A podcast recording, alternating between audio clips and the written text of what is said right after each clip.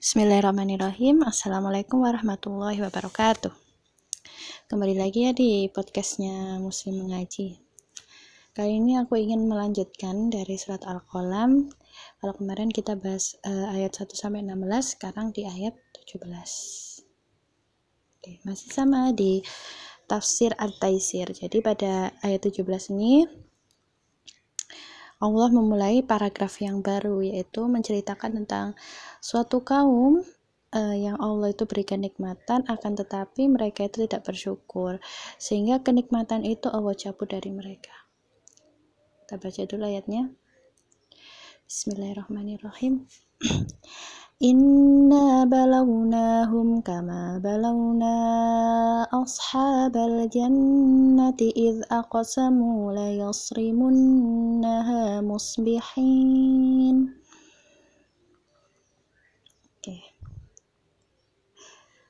Sungguh kami telah menguji mereka orang-orang musyrik Mekah sebagaimana kami telah menguji pemilik-pemilik kebun. Ketika mereka bersumpah pasti akan memeti hasilnya pada pagi hari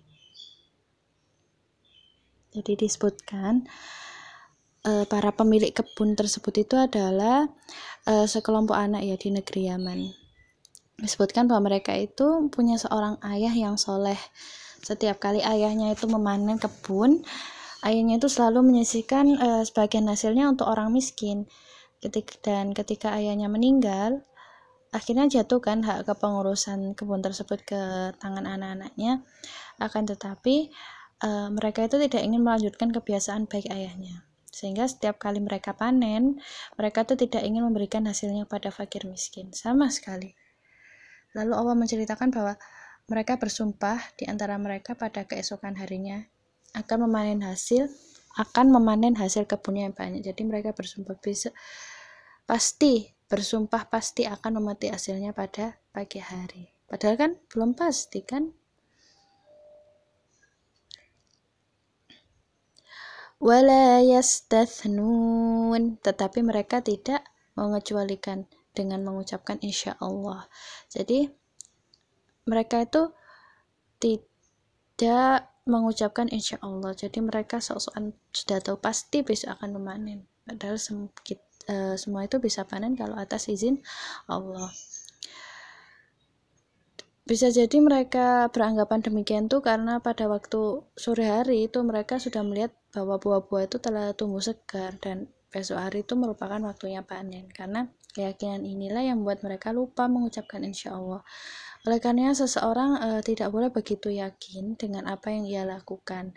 Karena seseorang itu tidak pernah tahu halangan apa yang akan menimpanya. Hendaknya seseorang itu selalu mengucapkan insya Allah. Semoga dalam setiap apa yang dikehendakinya. Jadi jangan sesumbar dan mendahului Allah.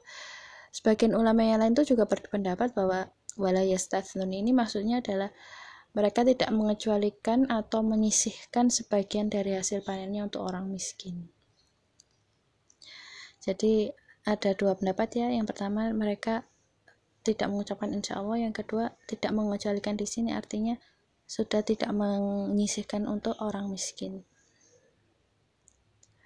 Kemudian ayat 19 فطاف عليها طائف من ربك وهم نائمون Lalu kebun itu ditimpa bencana yang datang dari Tuhanmu ketika mereka sedang tidur.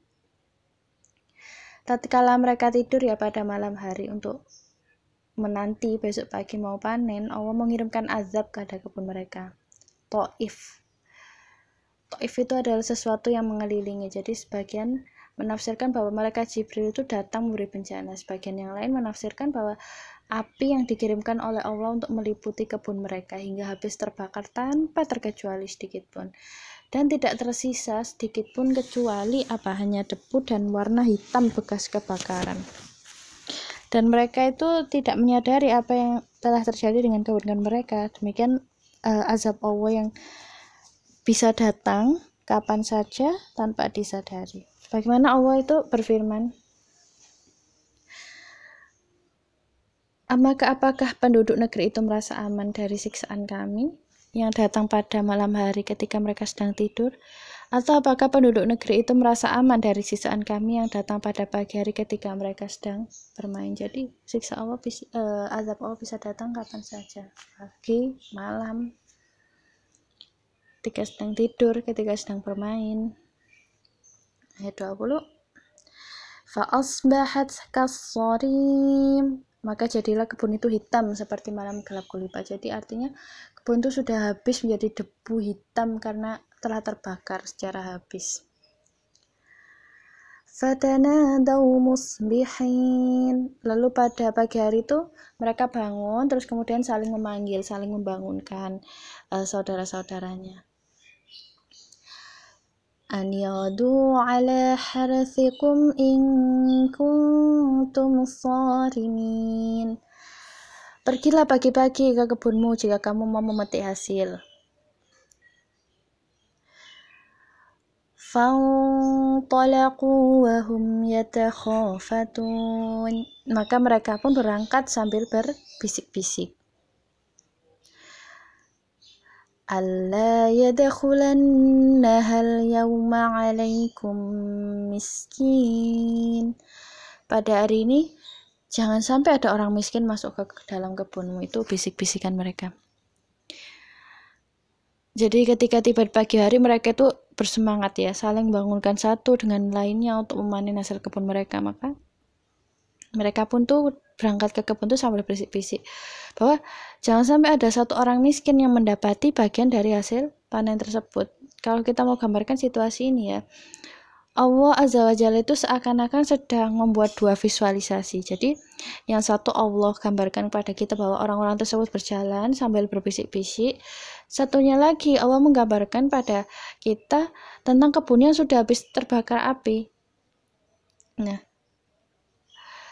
se e, seakan-akan kita melihat bagaimana mereka itu menertawakan orang miskin akan tidak mendapat bagian dari hasil kebun mereka, tetapi kita pun juga menertawakan mereka karena kebun tersebut sudah habis ludes. Mereka berbisik-bisik, menghina orang miskin. Sedangkan kita yang baca kisah ini tuh melihat bagaimana Allah menghinakan mereka.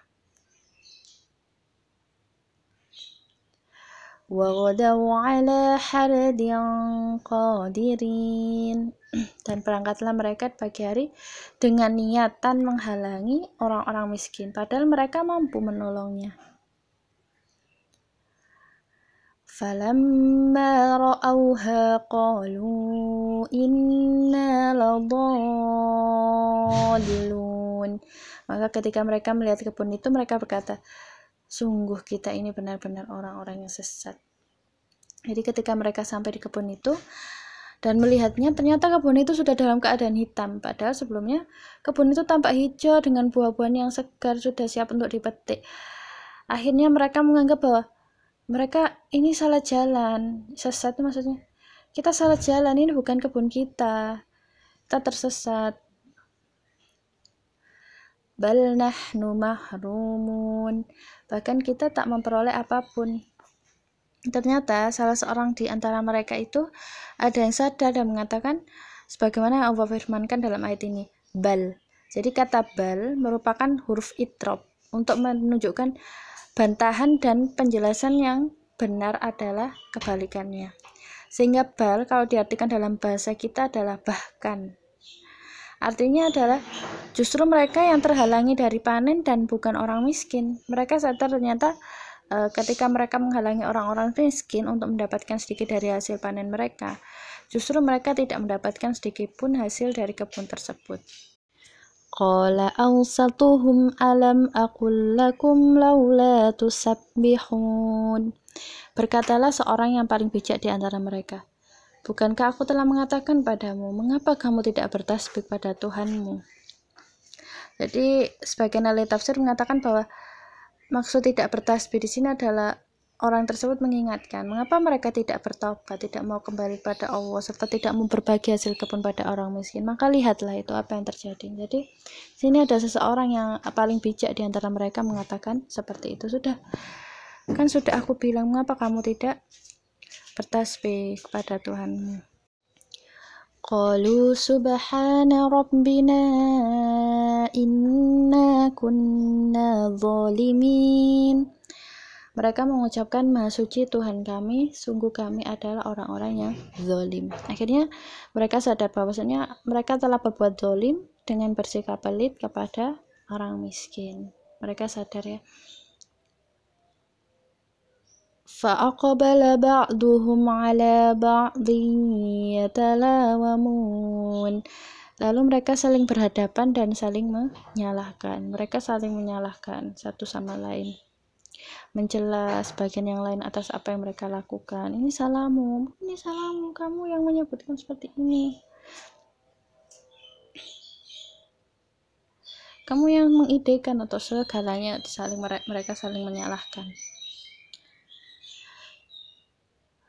Qalu ya wailana inna kunna tohin. Mereka berkata, celaka kita sesungguhnya kita itu orang yang melampaui batas jadi akhirnya mereka sadar akan kesalahan mereka itu apa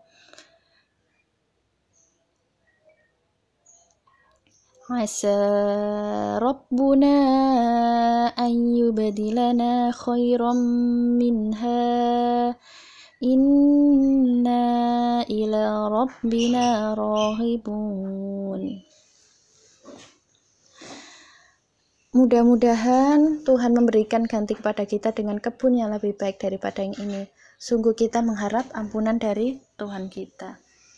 Setelah itu, eh, mereka berharap ampunan pada Allah. Jadi kisah pemilik kebun ini jadi dalil bahwa orang yang telah bertekad untuk melakukan keburukan, maksudnya bertekad ini tidak hanya sekedar uh, di hati ya, tapi sudah merencanakan, sudah merapatkan, sudah segalanya sudah ingin gitu, sudah terencana, maka Allah sudah mencatatnya sebagai dosa tanpa dilihat apakah dia berhasil melakukannya atau tidak. Sebagaimana para pemilik kebun tersebut, mereka itu baru bertekad untuk menghalangi orang miskin di malam hari dan belum melakukannya, tapi sudah merencanakan dan merapatkan segala hal ya. Tidak hanya terbesit di dalam hati gitu. Akan tetapi Allah telah mengirimkan azab sebelum mereka berhasil mewujudkan niatnya. Oleh karenanya ini juga menunjukkan bahwa pelit itu adalah akhlak yang buruk. Oleh karenanya Allah menamakan pelit dengan fahisyah atau perbuatan keji. Sebagaimana yang ada di dalam firman Allah, syaitan menjanjikan kemiskinan kepadamu dan menyuruh kamu berbuat keji atau kikir. Sedangkan Allah menjadikan ampunan dan karunia-Nya kepadamu dan Allah Maha luas, Maha mengetahui. Al-Baqarah 268. Intinya meskipun sikap pelit mereka belum dikerjakan dan baru sekedar azam, ternyata Allah azam ini tekad ya, tekad yang kuat. Ter, ternyata Allah telah turunkan azab. Kaidah ini juga ditunjukkan oleh dalil-dalil yang lain di antaranya sabda Nabi jika dua orang muslim berperang dengan pedang mereka yang membunuh dan yang terbunuh masuk neraka. Para sahabat bertanya, "Wahai Rasulullah, yang membunuh tentu saja masuk neraka, tetapi bagaimana dengan yang terbunuh?" Beliau menjawab, "Yang terbunuh juga ingin membunuh kawannya." Oleh karena itu, kita harus ketahui bahwa jika seseorang telah berniat buruk dan telah berazam atau bahkan telah melakukan usaha, di garis bawah ya, azam kemudian usaha, maka berhasil atau tidak dia telah mendapatkan dosa. Contoh contohnya ya, tentu zaman sekarang ini adalah uh, seseorang itu misalnya ada seorang yang hanya terbesit ingin melihat pornografi, maka itu belum di uh, catat dosanya. Tapi kalau sudah dia sudah ingin terus kemudian dia sudah berusaha untuk masuk ke internet membuka situs-situs pornografi. Terus akhirnya situs tersebut uh, terblokir. Nah, Terus berkali-kali dia mengulang usaha tersebut mencari situs lain, tapi ternyata juga masih terblokir. Nah, ketahuilah bahwa ini sudah dia dinilai sudah berusaha dan dinilai sudah berdosa. Sebagaimana ulama dalam buku-buku tafsir juga menjadikan kisah ini sebagai dalil bahwasanya jika ada seseorang memiliki harta yang telah mencapai nisab dan sebentar lagi sudah tiba haulnya, namun dia kemudian mengeluarkan sebagiannya agar berkurang dari nisab dan agar tidak berzakat, maka dia juga telah berdosa. Dan Allah maha mengetahui niat seseorang itu sengaja atau tidak. Karena yang demikian pula dia telah melakukan keburukan berupa mencegah hak orang miskin sebagaimana kisah para pemilik kebun tersebut. Akan tetapi kita akan tetapi jika ditemukan orang seperti ini maka sebagian ulama berpendapat bahwa dari orang tersebut tetap tarik sebagian dari hartanya yaitu zakat. Kisah ini juga merupakan dalil bahwa siapa yang tidak mensyukuri nikmat maka akan dicabut oleh Allah. Seseorang ulama berkata, Barang siapa tidak mensyukuri nikmat, berarti dia telah menjadikan nikmat tersebut terancam untuk hilang dan barang siapa mensyukurinya, berarti dia mengikatnya dengan ikatannya. Jadi dari segi kisah ini ya kita tahu yang pertama bahwa segala sesuatu itu atas kehendak Allah.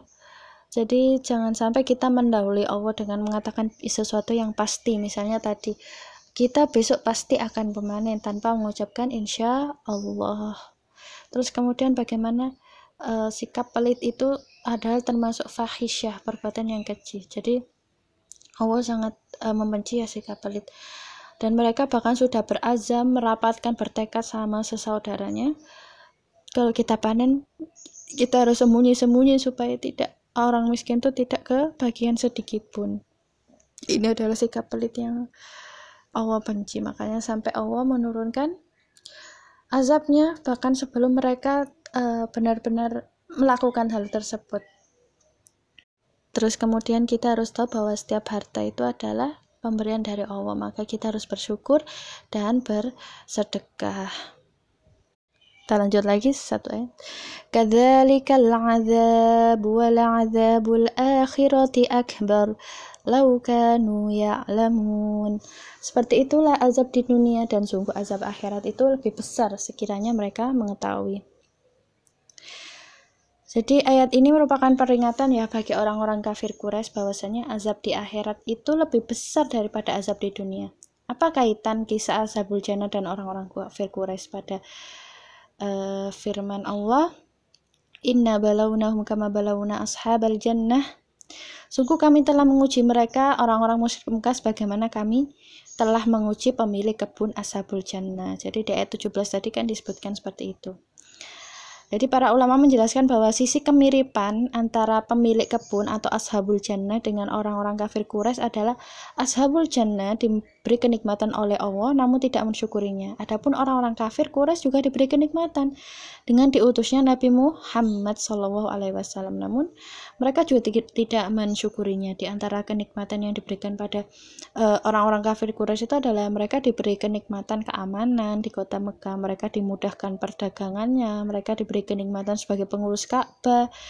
Dan kenikmatan terakhir itu adalah diutusnya uh, seorang nabi pada kalangan mereka. Itu yang adalah kenikmatan yang paling besar, paling sempurna. Akan tetapi dengan semua ini mereka itu tidak bersyukur. Maka sebagaimana ashabul jannah yang tidak bersyukur dikirimkan teguran oleh Allah, demikian pula orang-orang kafir Quraisy dikirimkan teguran karena tidak bersyukur. Oleh karenanya hal ini merupakan dalil bahwasanya Ujian bukan hanya kekurangan dan kesulitan, akan tetapi Allah juga menurunkan kenikmatan itu sebagai ujian, seperti yang diperoleh Ashabul Jannah dan kafir Quraisy. Kenikmatan juga sebagai ujian. Akan tetapi uh, antara Ashabul Jannah dan orang-orang kafir itu ada perbedaannya. Bedanya apa? Kalau orang-orang kafir Quraisy mereka tetap berada dalam kekufuran. Meskipun telah datang teguran dari Allah terhadap mereka. Adapun uh, pemilik kebun itu sadar tatkala mereka ditegur oleh Allah maka mereka langsung bertobat pada Allah bahkan sebagian ahli tafsir seperti As-Sa'di dan yang lainnya itu mengatakan bahwa zahirnya Allah memberi ganti ashabul jannah Bahkan ada yang mengatakan bahwa pada hari itu juga Allah tumbuhkan kebun yang lebih baik daripada kebun yang Allah hancurkan. Karena mereka kembali kepada Allah, mereka langsung bertobat pada Allah dan menggantinya dengan yang lebih baik Allah. Hal ini merupakan dalil bahwasanya ketika seseorang berbuat dosa kemudian sadar, kemudian dia kembali kepada Allah, maka bisa jadi Allah Azza wa Jalla memberikan ganti dengan yang lebih baik sebagaimana yang dialami oleh ashabul jannah. Tuh. Memberikan ganti dengan yang lebih baik ketika apa? Ketika sadar dalam dosanya dan memohon ampun kepadanya. Baik, itu tadi adalah tafsir Al-Qalam dari tafsir At-Taisir dari ayat 17 sampai ayat 33 tentang kisah Ashabul Jannah. Semoga kita bisa mengambil pelajaran dari kisah Ashabul Jannah tersebut. Sekian, semoga bermanfaat. Barakallahu fi. Assalamualaikum warahmatullahi wabarakatuh.